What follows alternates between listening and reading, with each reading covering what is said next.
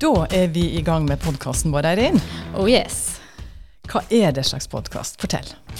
Nei, vi skal prøve å komme oss litt bak scenen i valgkampen, da, vet du. Og der skjer det mye nå. Mhm. Og så skal vi bli kjent med ni førstekandidater. Og dette her blir ikke noe revolverintervju, vet du. Nei, Da må vi skuffe folk hvis de vil ha det. For det blir ingen klassisk politisk utspørring med grilling, men en mer uhøytidelig og litt annerledes prat i studio, får vi si.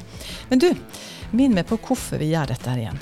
Vi vil bidra til interesse og engasjement rundt valget, og så vil vi at flest mulig skal stemme. Og så tror jo vi at eh, det å kjenne politikerne litt bidrar til et godt debattklima. Og så er vi begge interesserte i politikk og valgkamp og syns det er gøy. Ja. Men du, Mhm. hvordan er det å bygge opp en podkast i rekordfart? Veldig moro.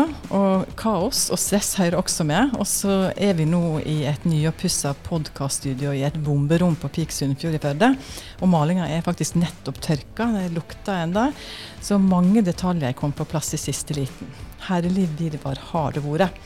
Og så har vi hatt noe mindre arbeidsuhell Hadde litt morsomme slaget. Ja, du fikk jo mikrofonen deisende over deg. Og du setter fast fingeren i mikrofonstativet, og den ser litt rar ut ennå, Ja, den ser litt rar ut. Det er nesten sånn at vi skulle hatt en HMS-ansvarlig her. Men du, hvem er vi? Vi har erfaring fra journalistikk og samfunnsliv, og nå er vi kommunikasjonsrådgivere på hver vår plass. Og så ønsker vi å bli gode på podkastformatet, og det blir jo vi når vi gjør alt fra A til Å, sånn som nå. Ja. Så vi lærer jo mye på det.